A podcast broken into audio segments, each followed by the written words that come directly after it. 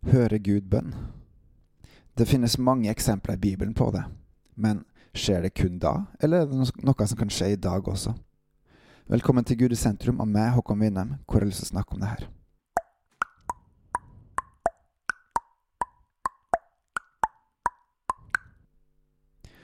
George Miller, rikmannssønn, svindler og partyløve, som ble kristen, og etter hvert skikkelig kristen.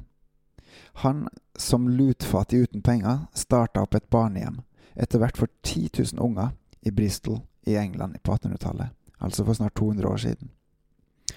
Industrialiseringsperioden var vanskelig for mange, han også, men han lærte å stole på Gud, for Gud bryr seg om hver og en av oss. Følg han, og han vil gi deg og oss alt det vi trenger. Det er skrevet bok om George Miller av Janet Geoff Benj, som heter De foreldreløses far. Og nå har jeg tenkt å lese opp et, eh, en historie derifra, fra en god, god stund uti eh, etter at han hadde starta opp x antall barnehjem. Og da står det en konkret eh, situasjon. Jeg beklager å forstyrre herr Müller, begynte bestyrerinna, altså hun som styrer på barnehjemmet, men nå har det skjedd. Barna sitter klare til frokost, men hun har ikke en smule mat i huset. Hva skal jeg si til dem? George reiste seg. Jeg skal ta hånd om saken. Bare gi meg et minutt, du, sa han. Før han gikk til spisesalen i barnehjem nummer én, tok George turen ut i hagen. Kom hit litt, Abigail, ropte han. Abigail er da barnebarnet hans, som er sikkert fire-fem år. Jenta løp bort til han. Hva er det? spurte hun. George bøyde seg ned og tok henne i hånda. Kom, så skal du få se Gud i aksjon, sa han og geleida henne til spisesalen. Der inne sto det 300 barn oppstilt bak stolene sine. På bordet foran hvert barn var det en tallerken, en kopp, en kniv, en gaffel og skei. Men det var ikke noe mat å se. George så at Abigail sperra øynene forvirra opp. Men hvor er maten? hviska Abigail forskrekka. Gud vil gi oss det vi trenger, hvisket George tilbake, før han henvendte seg til barna. Vi har ikke mye tid, jeg vil ikke at noen av dere skal komme for seint på skolen, så la oss be, sa han. Barna bøyde hodene sine, og George ba en bønn. Kjære Gud, vi takker deg for det, for det vi snart skal spise. Amen. George så opp og smilte til barna. Dere kan sette dere, sa han. Han ante ikke hvor maten han nettopp hadde bedt for skulle komme fra, eller hvordan den skulle havne på barnehjemmet, han visste bare at Gud ikke ville svikte sine barn.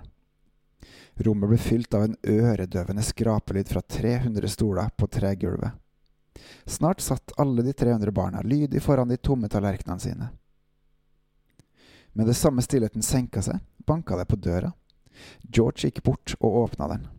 I døråpninga sto det en baker med et digert brett med deilig duftende brød.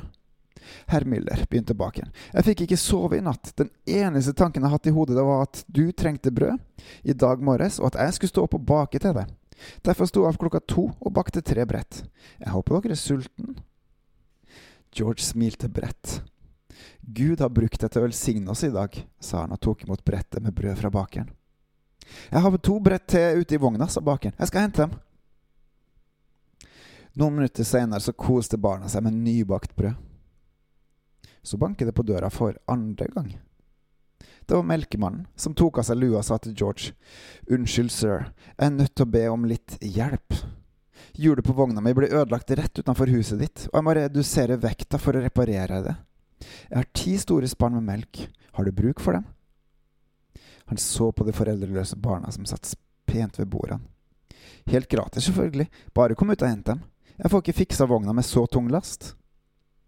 George sendte 20 av de eldre barna ut for å hjelpe, og snart sto det ti melkespann på kjøkkenet. Personalet fant fram øsa og begynte å helle opp til barna. Det var nok melk til at alle fikk en full kopp. Det ble til og med eh, melk til overs til å ha i teen til lunsj. En halvtime etter at George og Abigail kom inn i spisesalen, gikk 300 barn ut, fornøyd og mett. Skjer sånt i dag? Så absolutt. Jeg opplever det hele tida, fordi jeg spør Gud. God morgen, Hellige Ånd. Jeg ønsker å leve for Jesus i dag.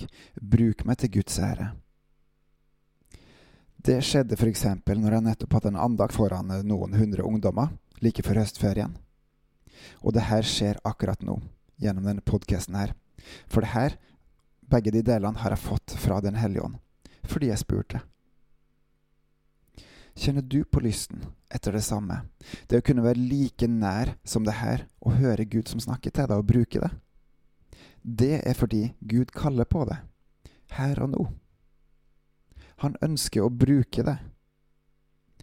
Er du villig, så stig fram for han og si, Hei, Gud, jeg vil leve for deg. Hjelp meg til å klare det. Amen, amen, amen. På gjenhør.